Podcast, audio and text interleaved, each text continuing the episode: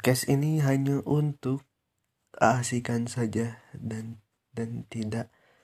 menyuguhkan dan menyajikan